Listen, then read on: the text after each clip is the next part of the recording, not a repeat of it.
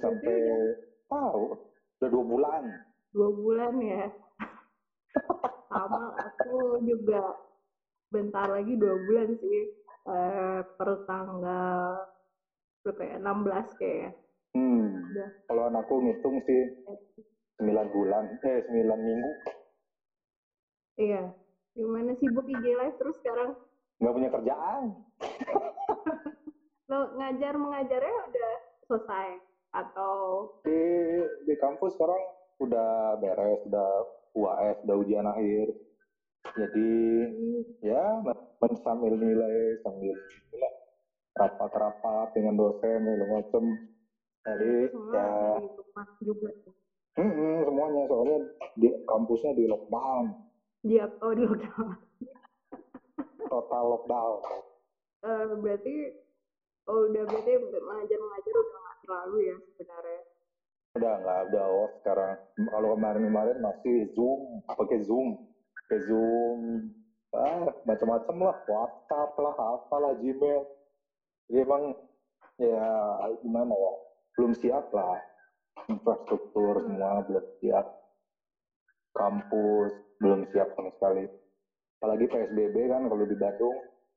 Kemarin itu beres tanggal ya, tanggal 5 terus lanjut sekarang PSBB provinsi Jawa Barat jadi oh gitu. lanjut lagi sampai akhir bulan benar-benar Iya, ini juga apa ya yang lebaran gitu ya, diam di tempat juga nggak bisa. Diam di tempat. Padahal aku pengen pulang loh, pengen pulang liburan. apa daya sing payu. Luar biasa keadaan sekarang ini. Tapi banyak sih, jadi banyak banyak yang bisa dipikirkan. Hmm. Seperti apa? Macam-macam lots a lot of thinking. Iya. Yeah.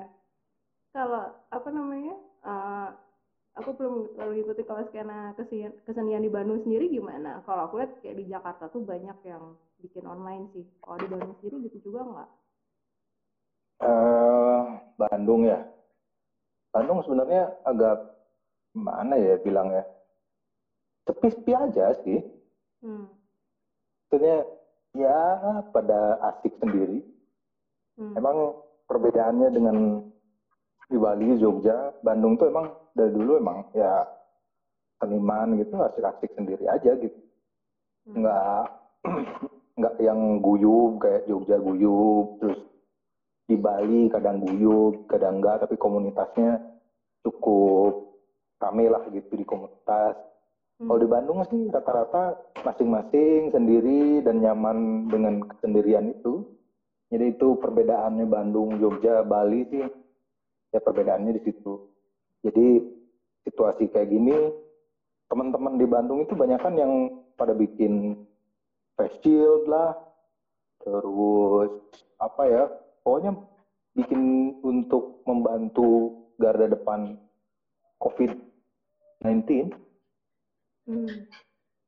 Jadi sibuk di situ. Berarti lebih ke Mau... menggalang dana gitu. Hmm.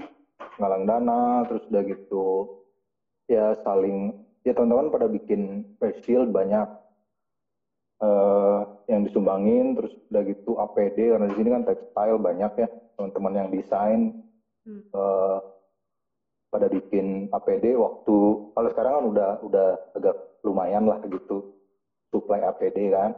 Hmm. Nah waktu masih susah, oh itu pada barang semua. Hmm. Bikin desainnya dari siapa, terus yang bikinnya ke mana gitu. Di, di wilayah situ belum pada ngobrolin, justru hmm. uh, ngoper-ngoper berita aja. Kayak misalnya kemarin kan ada arisan karya musuh macan ya. Iya. Tuh liwat berita udah gitu ada baru yang kemarin ya yang Jakarta Bienal Jogja Bienal dan Makassar Bienal jadi satu oh kita baru lihat teman-teman baru lihat pada sharing oh gitu ya yeah. terus hari ini ada pembukaan pameran juga. Pembukaannya di Zoom. Oke. Okay. Teman-teman motornya sih Profesor Dewan Sabana. Hmm. Aku nggak ikut. Uh, pada bikin pameran online hmm. tentang kertas kayaknya. Jagat ya kertas gitu loh, santai kertas.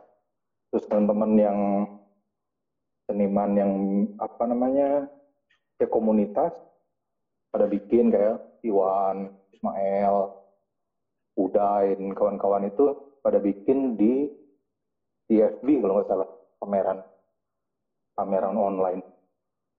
Jadi karya ditampilin di situ. Ya kalau aku sih lagi memperhatikan aja semua hmm. situasi situasi yang sekarang ini efeknya gimana nih gitu. Iya sih. Uh, menarik sih apa uh, dari awal ada ya lockdown dan nggak nggak di Indonesia aja ya di mana-mana tuh kayak akhirnya berada hmm. kan gitu dan kayak kayak kesenian nggak ada sepinya deh ada aja terus uh, iya kemarin aku juga lihat yang yang arisan karya tuh habis itu yang bienal itu uh, hmm. apa ya kok terus uh, aku juga tertarik sama beli waktu awal-awal lockdown tuh uh, suka ngomongin tentang kepercayaan Hindu di Bali. Tentang nyepi. Nyepi datang lebih awal terus nyepi terus terusan gitu. Sekarang gimana rasanya? Ya. masih nyepi? Ya uh, jadi gini uh, kalau kalau aku kebetulan kan ada temen tuh ya, temen seniman juga. Hmm. Uh, namanya Guntur. Oh, nah, dia yang, itu yang uh, sering muncul pas live ya gitu ya. Ya dia dia dulu dulu kan ceritanya zaman dulu di Bali ada taksu. Hmm. Ada taksu art klinik. Uh, taksu klinik seni, terus dari gitu kita di Bandung itu bikin abstrak X. Terus uh, kontak-kontakan, yaitu semacam taksu kan bahasa Bali ya tapi itu kan dia mereka pakai X gitu. nah kita bikinnya abstrak X abstrak belakangnya X jadi X gitu. Hmm. nah itu uh, sebetulnya semacam apa ya penanda geografi lah gitu ideologi geografi hmm. geopolitik kata kalau zaman sekarang ya yeah. uh, nah sebenarnya eh, di awal ya zaman dulu terus dari itu si Guntur itu ya kita masing-masing lah waktu masih jadi masing-masing menyebar gitu kan komunitas. Kayaknya yang bertahan di Indonesia itu cuman ruang rupa kayak, kayak. Hmm. yang paling everlasting lah dari dulu gitu ya. 20 tahun. Iya. Terus dari itu si Guntur ini ter terakhir dia ngajar ngajar akul itu di Shenzhen. Hmm. Nah waktu awal pandemik di China dia pulang. Memang waktu itu lagi libur kan, lagi uh, Imlek kan, libur Imlek. Dia pulang, terus dari itu ya sekalian udah dijadwal kayaknya dia nikah. Terus kalau sampai sekarang belum bisa balik lagi ke China. Jadi kerjaannya dia lakukan dari sini terus gitu. Nah sebenarnya tentang pandemik ini kalau aku sih udah udah dari awal gitu dengernya. Di bulan Desember itu udah udah denger dan Indonesia ah kayaknya jauh kan dulu masih gitu kan uh, virusnya nggak akan nyampe lah ke apa namanya negara tropis gitu nggak nyampe. Nah, kita kita di Indonesia kan lebih percaya begitu. Iya. Terus di awal juga ada kasus kan begitu ya, uh, reaksi pemerintah kayak gitu dan akhirnya sampai sekarang gitu. Jadi sebetulnya enak banget kalau dilihat perkembangannya tuh, oh, oh begini toh gitu.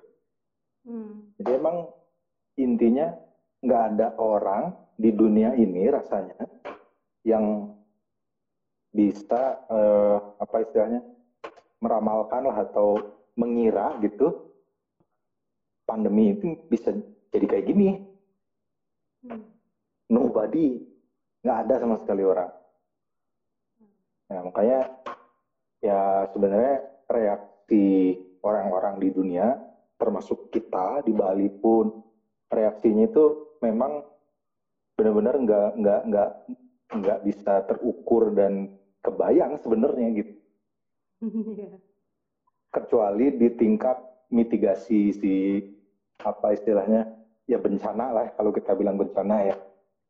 Kecuali tingkat mitigasi itu pasti udah ada SOP kan kalau ada wabah bagaimana kalau ada longsor bagaimana dan seterusnya dan seterusnya.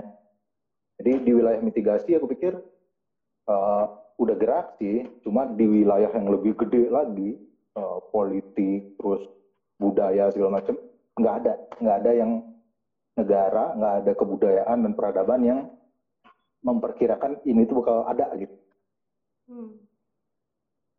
Saya sejak awal lihat oke okay, terus orang bicara tentang new normal kan? Hmm. terus udah gitu sekarang kan lagi ribut tuh ya rame soal budaya lah pariwisata ya. Wah hancur lebur semua. Memang di wilayah budaya sih kebanyakan orang jadinya mereverse ke pengalaman yang ada sebelumnya gitu. Hmm. Jadi istilahnya pengalaman-pengalaman, ya kan kita manusia harus gitu kan ya. Kalau kejadian sesuatu, oh ntar dulu nih, kita menghadapinya dengan mereverse pada uh, something sejarah yang udah lah gitu. Hmm. Nah, sebenarnya ya banyak lah aku lihat, ada Blisugi, terus lihat nih di lontar, udah pernah nih ada gerubuk kayak gini gitu kan ya. Terus dari Jawa juga sama tuh, lihat Merapi meletus, itu artinya begini begini oh banyak banget ya. Banyak banget. Tapi yang perlu di di apa istilahnya dicermati sebetulnya kalau menurut aku ya sebetulnya nggak ada. Walaupun hidup ini siklus ya walaupun dia siklus dia tidak berbentuk lingkaran penuh gitu dalam artian dari titik ini berangkat terus balik lagi ke titik itu enggak sebenarnya. Kalau pernah lihat tesis eh bukan tesis sih skripsi tapi orang zaman dulu bikinnya kayak tesis gitu ya.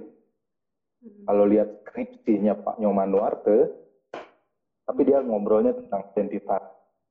Nah dia bilang siklus itu nggak kayak lingkaran penuh terus balik lagi ke titik yang itu tapi dia kayak ubah legu bakar oh. jadi dia kayak spiral jadi sebenarnya gini set nah kembali ke titik ini itu siklus itu kayak gitu, bukan balik lagi ke ini. Jadi misalnya metodenya apakah bisa dipakai metode yang 100 tahun lalu ngadapin gerubuk? Mungkin juga enggak, gitu. Ya. Walaupun sebenarnya ya hampir sama, siklus kelihatannya memang kayak misalnya bintang, kalau orang astronom, kebetulan aku deket sama teman-teman astronomi yang di, di Boska itu yang uh, pengamatan, bilang sebenarnya di saat terjadi siklus alam itu dia nggak really really persis kayak misalnya yang terjadi 200 tahun lalu. Enggak beda dia sebenarnya. Beda ada perbedaannya derajat segala macam beda. Selalu beda. Hmm. tapi titiknya sama di situ. Makanya di awal uh, orang ribut nyepi kenapa mesti uh, dibuat jadi istilah segala macam ya kalau menurut aku sih, ya nggak apa-apa aja, nggak sih sebetulnya. Uh, aku juga belakangan, ya jadi kan uh, episode terakhirku untuk Rupa Bali kan aku juga bikin monolog tentang mempertanyakan new normal itu dan ya, hmm. ya referensiku juga hmm. memang ke uh, artikelnya artikelnya uh, uh, Sugilanus terus waktu itu juga sempat lihat uh, live-nya Irwan Ahmad sama Yofi. Jadi dapat perspektif dari ya. uh, mereka kan berdasarkan agama uh, Islam ya, gitu. jadi dapat perspektif dari itu juga gitu. Terus uh, ya apa ya? Aku jadi tadi aku sempat nonton Big Short tapi belum selesai. Hmm. Ternyata menarik juga itu film apa namanya? Aku suka editingnya aku demen film yang kayak gitu yang kayak hampir kayak kolase tapi ada ceritanya gitu uh, terus uh, kayak ada satu si siapa sih namanya tuh yang karakternya Brad Pitt Ben ya ya Ben uh, sebenarnya dia menjago uh, hmm. Dia bilang? Nah dia bilang udah go back to gardening. Nggak usah ngurusin. Terus aku kayak wah itu relevan banget sama saat ini. Dan kadang tuh kayak nonton ya maksudnya sejak uh, suaka karantina ini kan larinya juga nonton gitu. Terus nonton dulu film atau nonton, bahkan bukan film aja bahkan kayak aku udah menonton stand up komedi kan yang berbahasa Inggris terus kayak mereka semua openingnya kayak permasalahan yang gimana ya kayak berkaitan dengan saat ini gitu jadi kayak kayak semua sudah mau ya iya memang balik ke apa namanya uh, apa yang sudah terjadi itu kan sebenarnya juga untuk ke depan gitu jadi yes. itu menarik nah, tapi ya perlu di inilah perlu dilihat lagi uh. what is new normal gitu. Dalam artian uh, bahasa itu bahasa ekonomi kok. Bahasa bisnis ekonomi gitu yang disebut new normal itu. Hmm. dan ya ya ya ada ada perilaku tentu saja ada habit baru yes course. Uh, mm, itu ya pasti meluas lah kalau kita ngobrolin ekonomi terus kebudayaan gitu ya pasti pasti pasti gede lah yang jadi new normal. Cuman pertanyaan teman-teman tuh banyak eh, kira-kira dalam new normal gitu. Karena mungkin aku painter ya. Gimana itu nasib lukisan gitu. Hmm. Sering sering dapat pertanyaan gimana sih nasib lukisan ya di new normal. Aku sering jawab simpel aja. Uh, let's say painting nih lukisan. Udah jalan udah hidup hampir berapa? 500 tahun kali. Iya.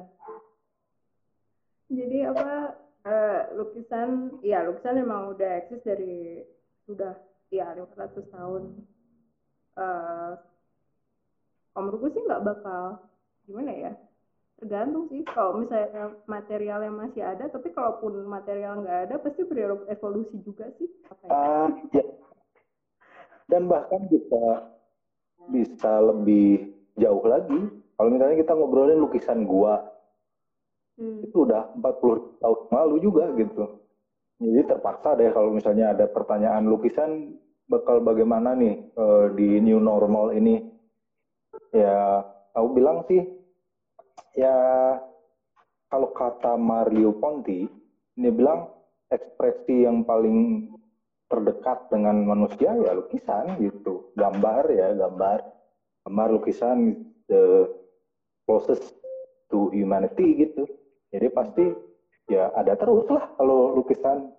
Cuma kalau problemnya boom kah atau apa, nah itu baru kita bisa bicara tentang yang disebut new normal, the real new normal itu. Jadi saat ini kan orang masih bicara tentang ekonomi nih. Bakal gimana ekonomi di di dunia nih dengan keadaan pandemi kayak gini terus afternya bagaimana? Nah, itu kalau kalau mau bicara tentang komodifikasi di seni ya mesti bicara ke sana gitu. Hmm. Dan kalau aku sih nggak ahli lah di bidang di bidang itu kalau ahli kayaknya udah udah blue chip kan. udah bergerak cepat. udah udah edan kayaknya kalau ahli ya. Ayo mesti mesti dilihat lah karena toh juga ya semua ya end up di ekonomi juga sih. Hmm, iya sih apa kalau aku juga mikir-mikir juga ya semuanya kan ya dunia saat ini bergerak karena ekonomi gitu kan kayak nggak bisa yeah. itu nggak bisa nggak bisa dihindari lah itu itu itu masih di di dalamnya gitu bahkan di, di pandemi saat ini itu yang hmm. menjadi worry juga dari dari yang pemerintahan sampai rakyat itu masih menjadi perhitungan kan. Hmm. Cuma kalau mau bicara ekonomi sedikit dan kaitannya dengan budaya, hmm. sebenarnya eh, Profesor Kishori Mahbubani ya bisa kita dengar lah sekarang uh, bisa kita dengar karena uh, pemikiran dia kan udah dari 2001 ya hmm. di saat dunia melawan something gitu ya dia dia sebut sih geopolitik ya uh, pemikiran dia itu berda, berdasar apa yang dia sebut geopolitik. Jadi apa sih geopolitik? Sebenarnya walaupun dunia ini dalam kerangka satu kerangka gitu seakan-akan sekarang tapi tetap aja uh, ada wilayah-wilayah tersendiri gitu. Hmm. jadi Amerika dan Eropa Anglo-Saxon terus ada Asia Australia sendiri ya Afrika beda lagi kalau Afrika tanya Babe aja Iya itu mah udah dapat banyak ceritanya. Tapi kan itu. Tapi kayaknya Afrika dengan dengan China juga ya. Kenapa? Tapi kayaknya dengan China juga Afrika ya. Uh, menariknya kalau menurut uh, tuturan Pak Dubes uh, itu baru. Cina tuh baru katanya. Balik lagi, kalau kayaknya kalau ngobrolin luar negeri langsung langsung hilang sinyal ya. Ini kita. Kalau ngobrolin Afrika, ya. Tapi kita mesti pertanyaan aja dulu pertanyaan sebelum aku ke mana-mana. Nah, jadi kemarin kan uh, aku sempat lihat dia ngomongin new normal itu, terus habis itu yang geopolitik aku nggak ngikutin. Uh, tapi beli kemarin sempat bilang tertarik mau ngomongin tentang seni dan pariwisata. Hmm. Nah, kalau seni ya kalau menurutku ini agen ya maksudnya lagi-lagi menurutku lah gitu ya.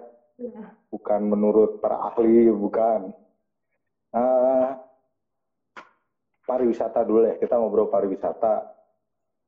Jadi uh, tentu saja kalau di di di Indonesia lah katakan memang kalau kita ngobrol pariwisata udah pasti Bali lah hmm.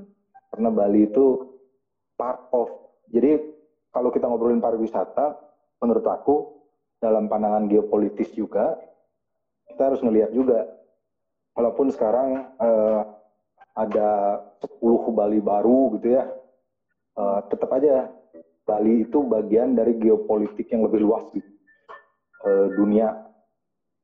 Nah, sebetulnya pariwisata itu kita harus tetap lihat geopolitik sebenarnya. Nah, jadi pariwisata pasti kan pertarungannya tetap tetap tetap sama lah. Pariwisata itu soal kalau menurut aku sekarang pariwisata bukan lagi soal uh, uniqueness gitu bukan juga sih. Soalnya uh, kalau uniqueness Dubai paling paling unik lah gitu katakannya. Hmm. Dari nggak ada sesuatu terus dia jadi ada sesuatu gitu. Tapi toh mereka nggak se ini lagi nggak nggak nggak seboom yang lain gitu. Misalnya kayak China, terus yang deket kita lah Thailand gitu ya Hmm. Nah, kita harus lihat bahwa pariwisata itu pertarungan yang sama dengan pertarungan ekonomi juga. Nah, dalam artian eh, itu soal infrastruktur sebenarnya.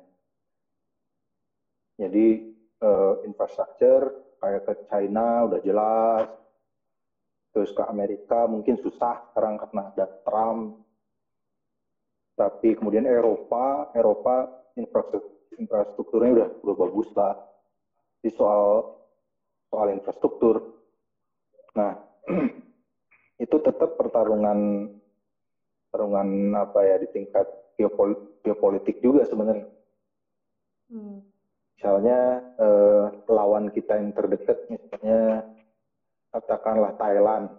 Jadi uh, balik lagi kalau pariwisata sih kalau lawan Thailand aja misalnya kita nih di Thailand uh, ada udah sampai sekarang mereka udah blended ya udah udah infrastruktur dan jaringannya udah kuat hmm. jadi antara Bro Dadap dengan Bro Moniarte itu udah bisa saling melengkapi hmm. antara permakultur dengan industri seni gitu udah udah bisa begini. Nanti kenapa bisa begitu? Karena infrastrukturnya bagus.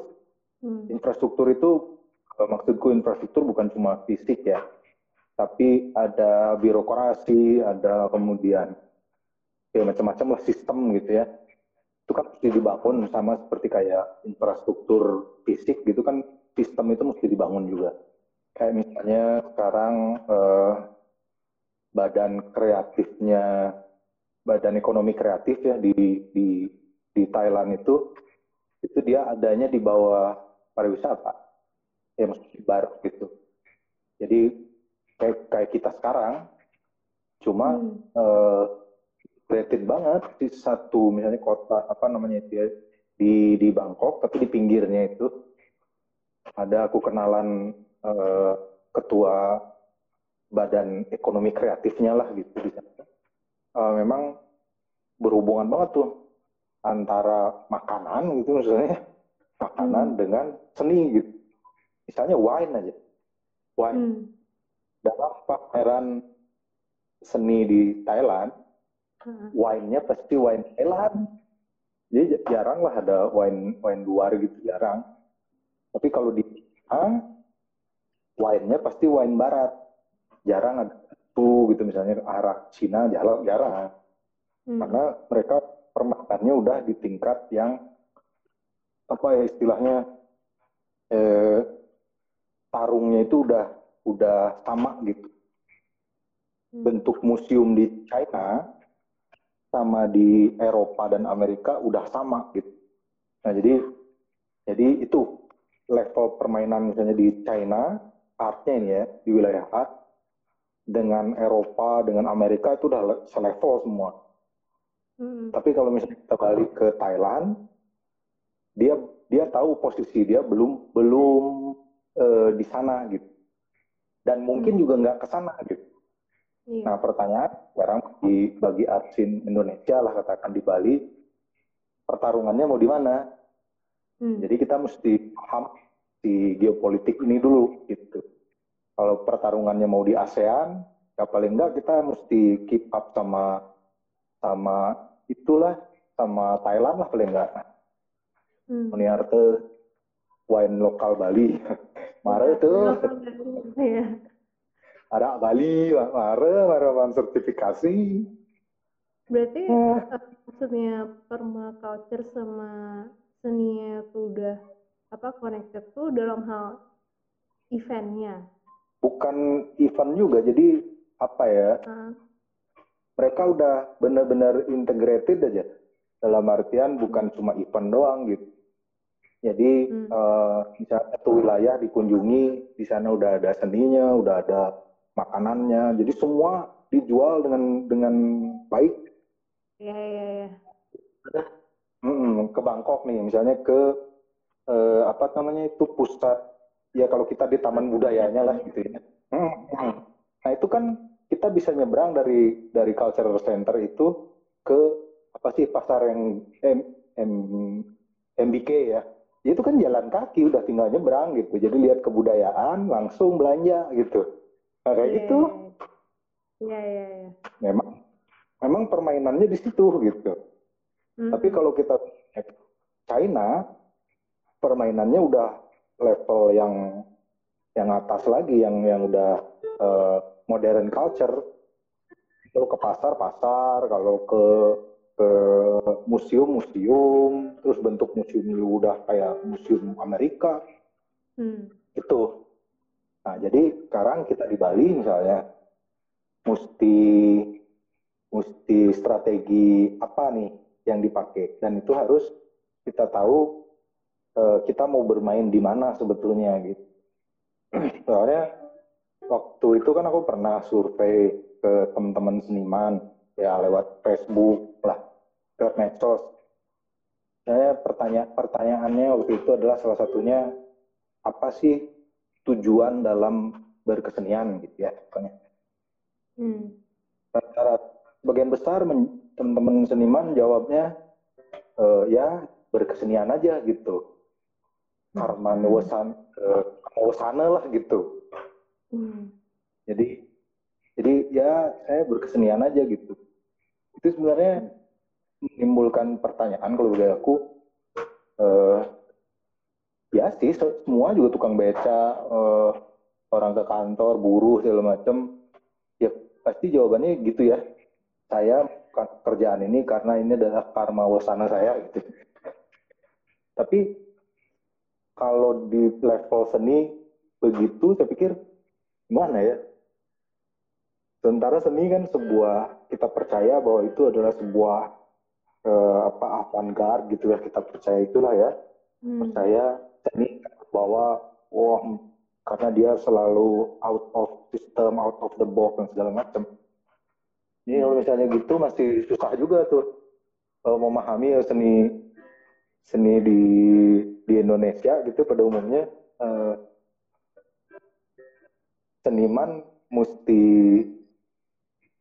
atau misalnya sikap seniman tuh uh, gimana ya? Nah, hal ini mungkin bukan salah seniman juga gitu tapi hmm. memang eh, mungkin ya kitanya semua bareng negara gitu nggak punya ide juga untuk kebudayaan mesti gimana uh, dan kemudian nanti naiknya misalkan pariwisata pariwisata pariwisata Bali mesti gimana ya gitu kan uh, banyak ide banyak banget ide dadap tuh idenya selalu cemerlang idenya ngobrolin pariwisata.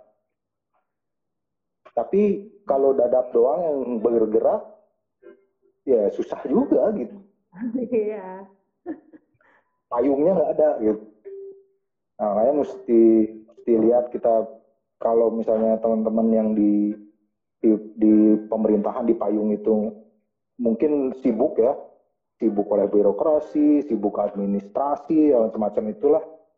Ya kita di komunitas mestinya punya pemikiran juga kita mau mau mau ke mana nih. Nah, untuk tahu kita mau ke mana, kita harus tahu kita di mana gitu. Itu dia. Itulah orang. Nah, kalau kita di mana, nah saat ini aku pikir eh, pas banget nih kita kita kita berpikir ya, kita sama-sama merenungi lagi kita nih ada di mana nih. Jadi eh, dan seni rupa Bali khususnya, kalau menurut aku sih udah karma wasananya untuk bertarung di tingkat yang lebih tinggi lagi. Karena udah dari dulu begitu, udah udah bagian dari elit global. Seni rupa Bali itu udah, udah bagian dari global.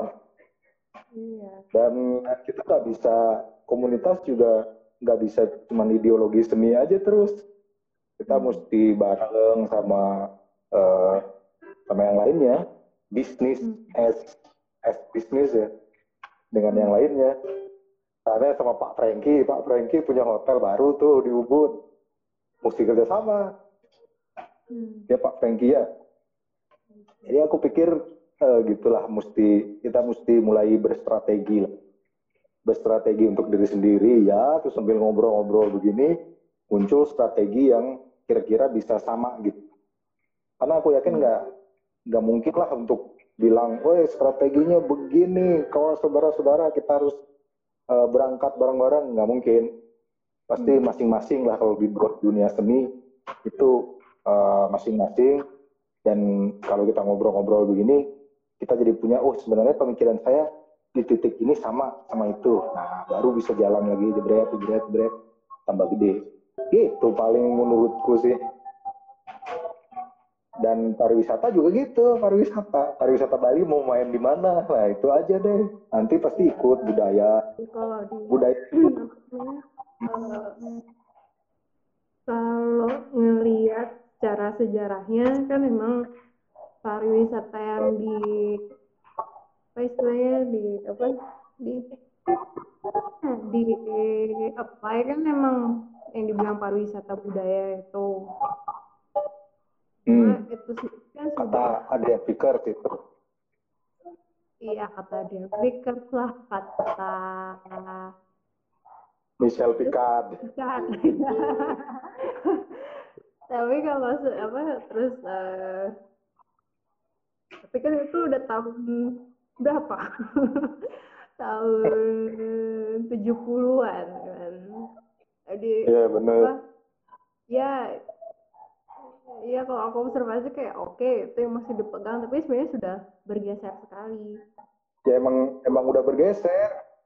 Tadi terakhir aku lihat si Moniarto jawab eh, komen penting. Pak Kun harus harus ini nih harus ikut gitu ya. Tapi menurut aku mungkin teman-teman di di di elit global itu udah mikirin juga lah. Cuma ya mungkin ada handicap banyak. Nah kita kadang-kadang kadang-kadang mesti tanya juga ke ke misalnya Pak Kun atau siapa pun di elit global itu ya di pemerintah apa sih handicapnya? Kita nggak pernah nggak pernah tahu tuh handicapnya apa? Bisa nggak kita bantu misalnya gitu? Ya eh, ya kalau handicapnya nggak punya ide ya ke gua kasih ide gitu kan ya. Kalau handicapnya birokrasi ya ya ntar deh saya telepon. Saya- saya telepon Pak Erick Thohir ya gitu misalnya. Bisa begitu kan sebenarnya. Cuma kadang ya pemerintah ya merasa karena dia pemerintah nah itu tidak menjalankan apa namanya itu? Asta berata apa? Aku nggak inget dah apa tuh. ya pokoknya itulah. Cuma kadang-kadang ya teman-teman di wilayah pemerintah memang rata-rata begitu sih ya karena mungkin merasa yang yang punya eh, apa istilahnya payung gitu. Jadi semau dia kadang-kadang. Hmm. Padahal sebenarnya di zaman kalau menurut aku ke depan kita mesti lebih lebih terbuka tuh semuanya. Hmm. Kayak sekarang menghadapi pandemi gini juga kan di awal kalau misalnya nggak ada teman-teman komunitas segala macam bantu APD kan susah tuh urusan. Hmm. Karena kan birokrasi butuh waktu untuk untuk nyiapin APD, untuk nyiapin segala macam mitigasi itu. Hmm. sama aja kayak misalnya ada kejahatan di suatu wilayah pasti eh, pecalang di situlah desa adat dulu yang menangani baru nanti datang polisi atau apa kan gitu. Hmm. Nah kalau nggak ada kerjasama begitu ya ya susah juga sih sebetulnya. Hmm. Nah, makanya yang perlu yang perlu kita ketahui sebenarnya dari teman-teman di pemerintahan eh, handicapnya apa sih gitu. Hmm. Ya kali kita rakyat ini bisa bantu gitu. Iya ya. Kalau obrolan apa namanya eh eh, apa nih ya tahun lalu kayaknya sempet kayak aku sempet ya di di ada episode lupa Bali juga pas zaman bulan mau mau bulan Oktober kan eh kalau nggak salah Septembernya apa Agustusnya ada acara gitu di Bentara terus yang Hmm. bicara tuh salah satunya Pak Kun. Kuratornya waktu itu Pak Waris sama Pak Suklu gitu. Terus aku udah ada sih ngomong terus apa dia dia terbuka eh, akan kolaborasi gitu. Tapi ya entah habis itu maksudnya apakah tahun lalu memang aku sih nggak ngikutin benda tapi emang sempat sih ku bahas di episode 4 tuh sama Enpau sama Dede ngobrolin tentang itu ke mana ke mana branding kesenian Bali gitu Hmm. dengannya eh, Hmm. apa kemarin tuh Festival Bali Jadi dan Bali Mega Rupa itu kan itu kan dari pemerintah itu sebenarnya itu kan Hmm. ya, hal yang menarik sudah terjadi tapi ya eksekusinya gitu kan jadi terus yang ku dengar eh, harusnya di pesta kesenian Bali kan ada wah dan itu Bali Kada Rupa jadi Hmm. yang lebih yang biasanya pameran di Pesta Kesenian Bali itu adalah uh, si pemerintah kurasiin sendiri sekarang jadi open call dan akan di beberapa tempat gitu. Nah terus PKB sekarang sudah di cancel ditiadakan untuk tahun ini dan Bali Rupa pun akhirnya nggak jadi gitu sekarang semua percaya hmm. saya ya yang yang yang Oktober masih bakal nggak? Nih Bali Rupa sama oh, Bali jadi masih bakal berjalan nggak? Kalau bahas, bulan bahasa Bali kan jadi kan emang ada tiga tiga yang besar sekarang kan. Bulan bahasa Bali PKB sama Bali jadi itu. Ya. Jadi belum ya maksudnya tahun lalu desas-desusnya aja September. Jadi tahun ini aku tidak tahu itu bulan apa kayak apakah akan ada ya memang belum ada ini juga gitu. penasaran sih ya. tapi ya gitu masih aku sama aku sama iya aku hmm. sempat sebenarnya aku sempat berkomentar waktu itu kayak waktu di diskusi itu kenapa sih uh, yang uh, kalau kita balik ke pariwisata ya gitu hmm. Yang Bali kan sudah berjalan berapa puluh tahun udah gitu dan uh, itu waktunya tepat banget di bulan Juni Juli dan itu zaman orang pasti liburan gitu. Kalau yeah. di libur sekolah, kalau di luar juga itu waktu liburan mereka. Gitu. Nah terus kalau dari Jani itu dibuat katanya karena yang apa namanya yang baru-baru yang kontemporer dipisah gitu kan katanya jangan di yeah. di apa di, di tempat yang sama gitu. Nah waktu itu aku sih kayak dikasih kotak gitu. Iya, aku cuma berkomentar kenapa ya gitu uh, aku uh, apa ya aku juga berkomentar aja kenapa kayak gitu jawabannya aku cuma ya keputusan dari atas yes. jadi aku nggak bisa kayak nggak ada argumen yang lebih dari itu gitu which is sayang sih maksudnya ya masa sih nggak ada apa ya kayak kenapa sih harus dipisah? Karena bahkan dalam waktu PK, kayak apa uh, sama PKB uh, sebenarnya yang ada di Bali Jani itu yang aku look forward juga gitu. Dan itu kan selalu di akhir-akhir gitu. Jadi ya ya sudahlah gitu. Waktu itu eh, apa eh, kalau tahun lalu sih aku dengar eh aku sih lihat memang banyak yang mengkritik ya gitu. Tapi tahun ini emang belum kelihatan dan kalau hmm. dari nah inisiasi yang lain kelihatan itu kan adalah eh, nggak uh, tahu bingung ngikutin nggak yang uh, khusus galeri bikin Bali Art Guide sama Art Bali tahun lalu. Oke. Okay. Ikutin nggak? Uh, ya, um, ya samar-samar lah. Sama-samar. Iya jadi uh, uh, ta awal tahun, eh awal tahun, awal tahun kayak udah lama banget ya, padahal baru beberapa bulan lalu. Bulan apa ya, atau bulan apa gitu sempat kayak uh, jadi tuh aku ngomongin sisi komunitasnya sekarang ya. Uh, kalau aku lihat uh, yang dilakuin itu dengan Bali Arte itu menurutku itu jadi satu hal yang ya katakanlah itu yang yang dibikin sama rakyat akhirnya gitu kan dan um, apa uh, nah kemarin tuh sempat sebenarnya mereka tuh ngumpulin kita semua dari uh, berbagai pihak dan bahkan yang ya dari bagian yang mengurus Bali Rupa itu sendiri gitu. Uh, tapi ya belum jalan lagi karena pandemi ini. Hmm. Tapi sebenarnya lebih fokusnya tetap di di pembuatan guide itu sendiri sih. Jadi belum hmm. masih di ranah itu, itu belum yang yang menurutku juga mereka nggak ada capacity ataupun infrastruktur besar yang bisa melakukan apa yang bisa dilakukan pemerintah selama ini kan gitu. Itu sih.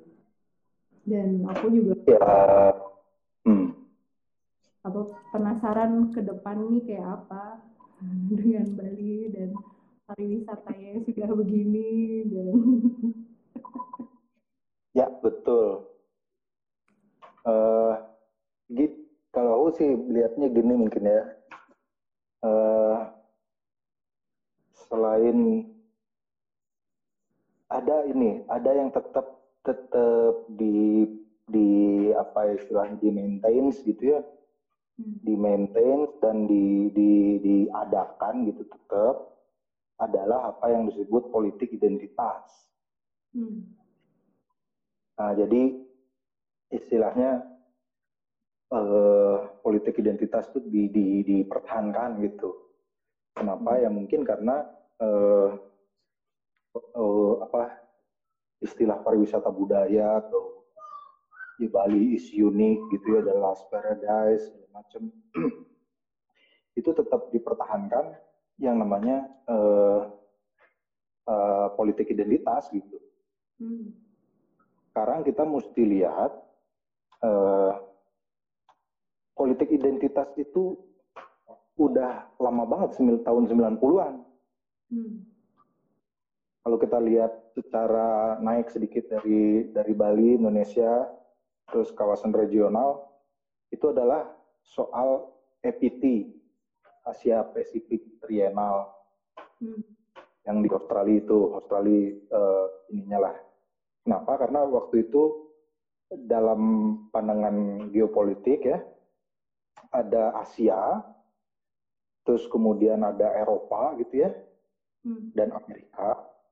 Terus kemudian ada wilayah yang nggak nggak ketahuan ini gitu which is hmm. Australia sebetulnya.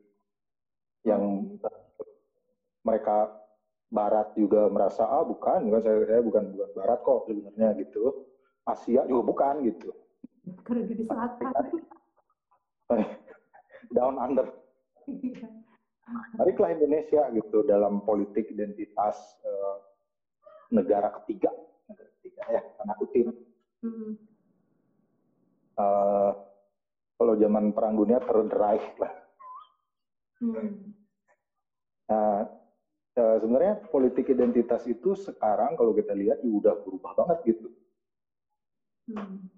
China, China itu bukan lagi mereka mengemukakan komunismenya. Hmm. North Korea ya lah kayak itu mah beda lah gitu ya. Hmm.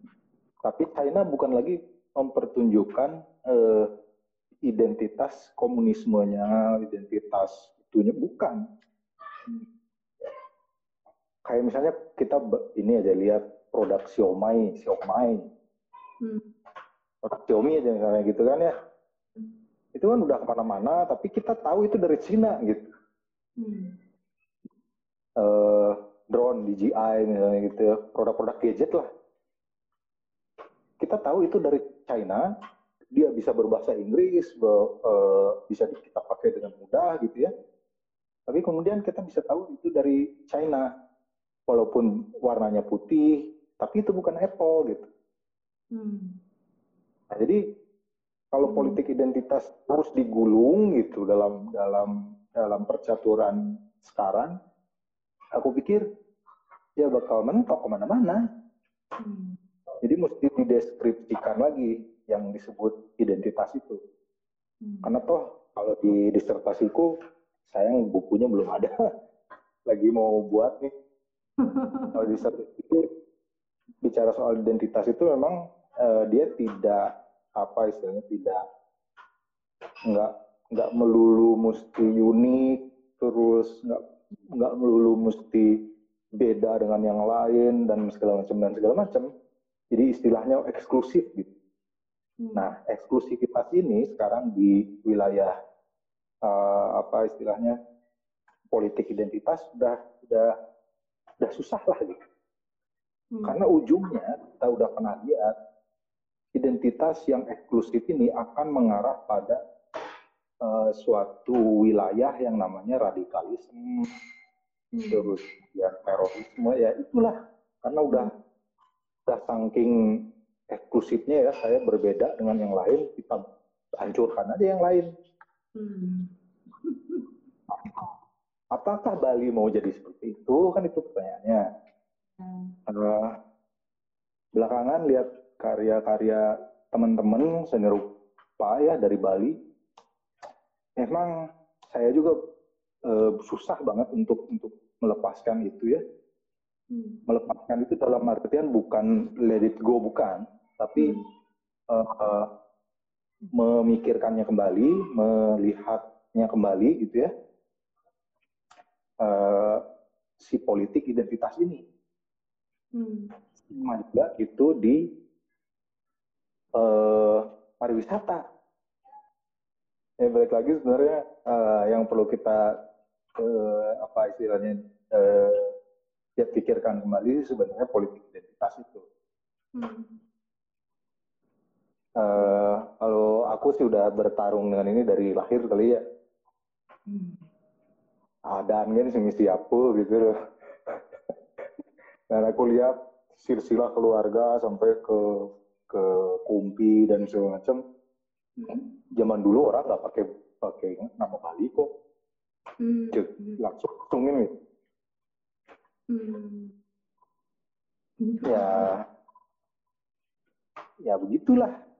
Jadi kita mesti pikirkan lagi politik identitas ini mau yang akhirnya kita udah tahu sebenarnya.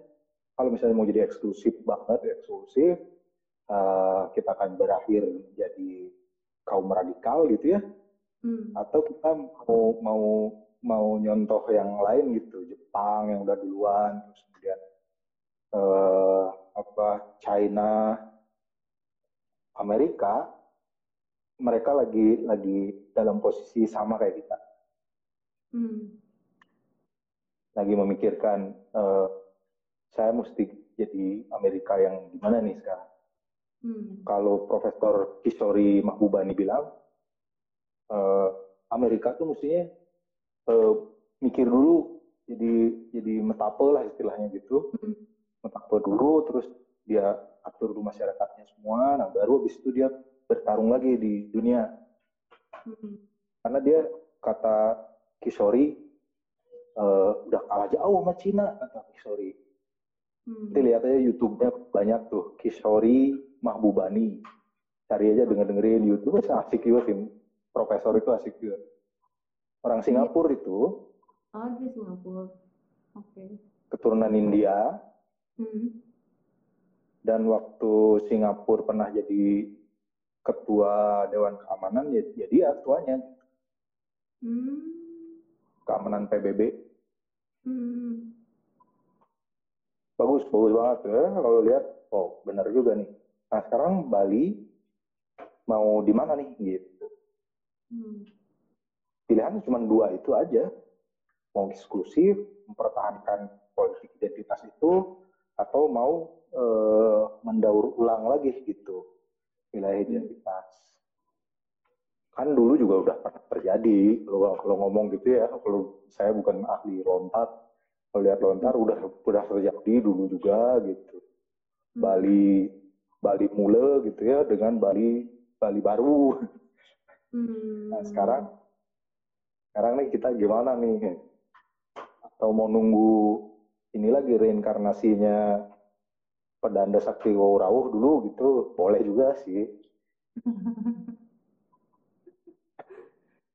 Iya kemarin uh, iya aku apa kayak uh, ngeplesetin gitu kan salah satu moto ya eh sekarang moto moto saat ini uh, provinsi Bali kan menuju Bali era baru gitu. Terus melihat mm-hmm. uh, apa apa artikelnya sebenarnya judulnya era baru setelah covid gitu kan. Kok kayak nyambung gitu tapi nggak tahu juga sih. Apakah abis uh, ini apakah karena ada yang berubah atau tidak gitu kan. Masih dipertanyakan gitu apa gitu kan kalau nyambungin ke apa namanya uh, ada ya ada politik ada politik identitasnya juga gitu di, di masa pandemi ini di Bali sendiri gitu. Ya kayak dibilang sama Bidadap diperkuat keputusan gubernur gitulah. Jadi uh, kemarin sempat ikutan di uh, ini Warma Dewa kan punya uh, Warma Research Center kan punya jumpa ngopi. Yang biasanya hmm. cuma awal bulan ya gitu. Terus kemarin akhirnya mereka melakukan secara daring gitu secara online. Itu hmm, menarik juga gitu. Obrolannya ke mana-mana sih juga dan uh, ke depannya ini gimana gitu. Um, apa namanya? Ya emang sih baliknya pasti ke ke masalah politik identitas itu lagi. Karena sama jadi sama ini ya ya mungkin dia juga udah denger kan kalau di sini ya. Yang masih utama itu adalah Banten yang harus diatur gitu kan. Kemarin purnama ada lagi film ada lagi gitu kan ada kalau beli murah Suryawan sempat presentasi tentang eh, dia ada satu kalimat eh, nyejer nyejer daksina atau nyejer sembako gitu. Jadi eh, apa kenapa jadinya itu kok eh, kayak kesannya kita ya memang himbauan sih himbauan gitu ya gitu untuk membantan gitu untuk yang Indo Bali. Cuma jadi ya kok lebih utama itu sedangkan kalau menurut uh, uh, Dabri Gendo waktu kemarin juga uh, sekarang udah ngejalin eh, apa dibilang ini bukan PSBB tapi sebenarnya udah ngejalanin PSBB tapi pemerintah gak mau ngaku ini PSBB jadi kan ya pasti. hmm. apa jadi ya jadinya memang apa namanya kita kita ngejalanin sendiri memang gitu karena ya memang tidak ada putusan ini dan sebagainya. Nah menurutku politik edita eh, yang sangat di yang observasiku ya di sini yang sangat dipertanyakan itu uh, apa namanya masalah ya Bali struktur pemerintahannya emang beda gitu. Uh, ada si desa adatnya ada si kotanya ada si provinsinya gitu kan.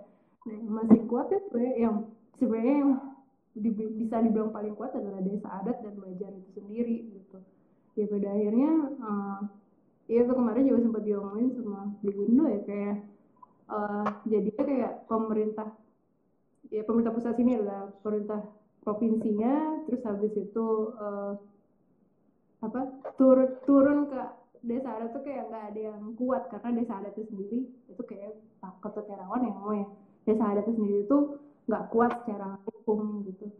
Kalau aku malah uh, tertariknya ke sana sih. Kayak itu itu politik identitas yang sangat dipertanyakan saat ini kayaknya. Kayak, kayak pemerintah Bali ini bentukannya sebenarnya apa? Nah, jadi persoalan persoalan misalkan ya misalnya ngejar daksina itu hmm. atau misalnya segahan wong-wongan itu Nah, kalau kami kaum kaum diaspora Bali ya maksud aku yeah. menyebutnya diaspora Bali. Yeah. Itu justru seneng gitu. Yeah. Oh, besok berangkat kita karena ada ada wilayah eh, apa istilahnya? Bukan eksotis, bukan eksotisme, bukan apa ya, istilah ikatan gitu ya. Iya. Di saat di saat kami work from home semua, ya, sudah gitu tiba-tiba uh, ada kesempatan untuk melakukan ritual yang kita apa rindukan gitu. Hmm. Nah, itu tiba-tiba bikin kita benar-benar excited gitu. Hmm. Oh bikin bikin. Hmm. Segan ngomong kapan nih kapan nih kebetulan ada ada temen si beli kiwi nggak tahu gabung nggak di sini eh, ketua PHDI, PHDI Bandung itu angkatan 94. Hmm. Semudah lah, progresif PHDI Bandung. Hmm. Eh, oh, kita semangat sekali. Hmm. Semangat uh, melakukan jajar daksi apa gitu ya. Tapi nggak tahu kalau misalnya mesti setahun begitu pas kita udah kerja lagi udah ini mungkin juga nggak begitu semangat juga. Hmm. Cuman itu kan menjadi problem ketika di Bali sendiri pastinya. Hmm. Karena dasarnya sih budaya itu nggak aja gitu, nggak nggak tetap tapi dia gradual berubah gitu ya. Cuma berubah ya itu mah udah udah teori lama lah gitu. Berubah merasa wah ini kuno sekali mungkin atau bagaimana gitu ya. Hmm. Nah, aku pikir uh, identitas ini eh, gimana ya istilahnya ya memang harus di di di di ini lagi gitu dalam artian mungkin pemerintah seperti yang saya bilang tadi awal gitu ya aku bilang awal nggak ada kok eh, komunitas negara peradaban gitu yang benar-benar siap dengan adanya pandemi COVID-19 gitu. Hmm. Nah, hampir semua tuh oh berantakan. Cuma yang memang harus tetap jalan SOP adalah ya itu mitigasi bencananya. Hmm. Kalau mau ngecek pemerintah, pemerintah harusnya fokusnya di sana gitu. Hmm. Kalau di Jabar, KRK, dia fokusnya ke itu dulu mitigasi walaupun ya kacau ya ya apa boleh buat ya orangnya banyak banget gitu ya. Hmm. dan semua butuh ini uh, butuh uh, waktu dan birokrasi segala macam hmm. cuma ya fokus di sana terus nanti bangun lagi nih pelan-pelan tapi kalau udah memang berkelindan Misalnya kayak Bali, bayangannya Bali dengan Jabar aja. Hmm. Bali dan Jabar, Jabar itu baru memulai, bisa dikatakan baru memulai pariwisata.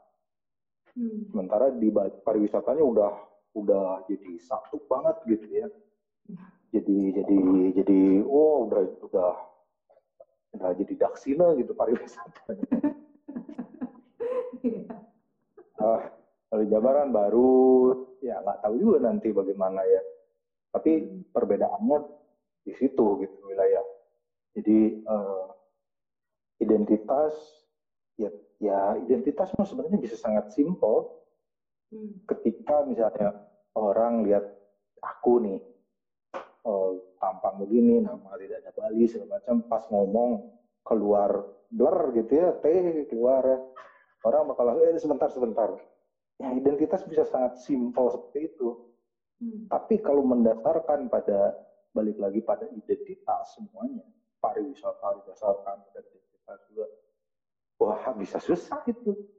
Hmm. Balik lagi bisa bisa jadi bisa jadi bisa jadi apa? Bisa jadi radikal. Hmm. Nah di Bali eh, sebenarnya persoalannya yang mendasar sebenarnya sekarang ya persoalan itu sih sebenarnya menurut ini persoalan apakah eh, apa istilahnya ketakutan kehilangan identitas gitu. Iya. Padahal sebetulnya eh, nggak eh, bisa hilang juga identitas karena dia given sifatnya. Iya. Jadi given dari DNA aja udah udah given gitu identitas. Saat kita ketemu alien, alien juga tahu kita tuh Homo sapiens sapiens gitu. Iya. Kita juga tahu alien apa alien itu gitu. Jadi kalau memang kalau masih ngobrolin politik identitas semacam, wah jauh udah udah udah ini banget lah gitu. Hmm. Pembicaraannya Edward Said lagi, oh udah udah udah kuno banget gitu. Iya rasanya, duh, kembali ke sana. Ya mesti enggak, ini deh, paling enggak sekarang itu kita baca dulu Amartya Sen deh. Iya. Dari ya itu. Amartya Sen juga udah kuno. Iya, udah udah sekitar 15 tahun lalu, 20 tahun lalu. Tapi iya. boleh start dari situ dulu untuk terutama kita kita lah di komunitas. Kalau kalau pemerintah kataku tadi itu selama mereka tidak men-share handicapnya apa, ya kita juga susah untuk bantu, udah gitu aja. Hmm. kita protes ya wajar, udah kita bayar pajak. Ya, Boleh dong, ya. Iya. Kita protes, punya pemikiran pemerintah harus gini gitu ya wajar aja. Cuma kalau pemerintah tidak share handicapnya apa, ya di kita juga ya kita jalan sendiri gitu. Dan selama ini dari pengalaman dan e, pemahaman, memang seni rupa Indonesia pada umumnya ya dia organik aja gitu, nggak nggak butuh itu, gitu. nggak butuh untuk e, apa istilahnya dibantu pemerintah atau apa, memang kita jalan sendiri aja. Tapi ya lama-lama pasti ada ada poin capek lah gitu ya titik capek capek dulu lah yang apa berhenti dulu nanti dilanjut itu aja dah iya jadinya gitu karena kita juga jadinya karena kita nggak tahu kita mereka-reka juga gitu hmm. Ya jadinya teori konspirasi. Sebenarnya corona itu nggak ada gitu. Wah, susah juga dah kalau ngobrol gitu. Tapi sam- sampai sekarang aku belum pernah dengar orang yang bicara hubungan antara misalnya demo Hong Kong ya dengan corona. Belum pernah. Jarang banget. Kayaknya enggak. Aku juga hanya beberapa orang kalau bisa related itu mungkin ada sesuatu. Waduh. Eh, sok ditangkap ya. Aku kan pas eh, tahun lalu di tempat Hongkong waktu di Mumbai itu. Dan wah itu kalau di Hongkong sendiri ceritanya macam-macam banget juga itu pasti Iya, kita ya menarik sih. Cuma ya apa ya? Eh, ya, ya, ya kalau ada keseni yang lucu, kita masih oh ya art besok bakal nggak ya, art besok bakal nggak ya, terus akhirnya yang terhenti, yang menghentikan adalah corona bukan demo akhirnya. bukan. Kayak itu acara kesenian pertama yang tercancel ya, acara hmm. Terdampak lah pasal dan semuanya iya. Um, Gua pernah Terus lah sekali-kali rapat pakai Zoom gitu antara pelaku-pelaku art gitu di Bali. Kan banyak banget. Rapat pakai Zoom.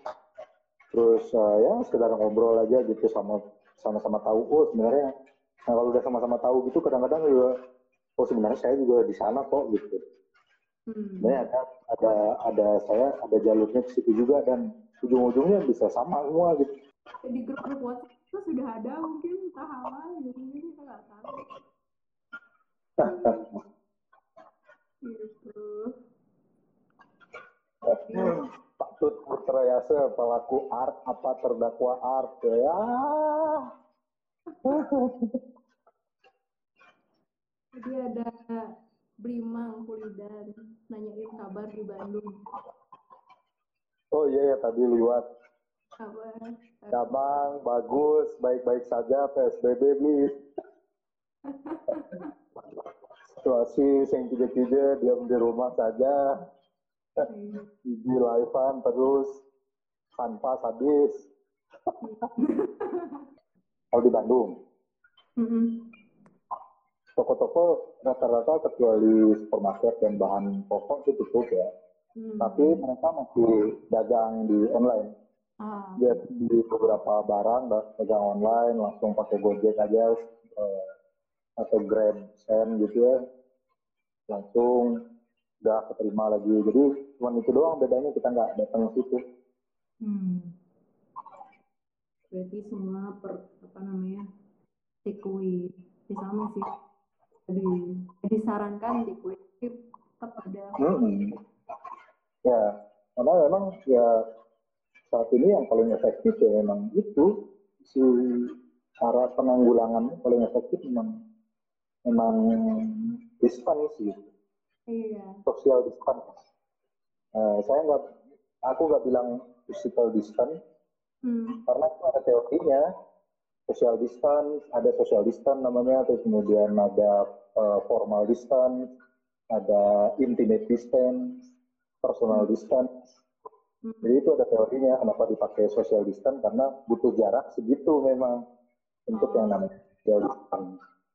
Kalau Oh, kita kayak namanya eh, digital distance mungkin ada kali. Iya.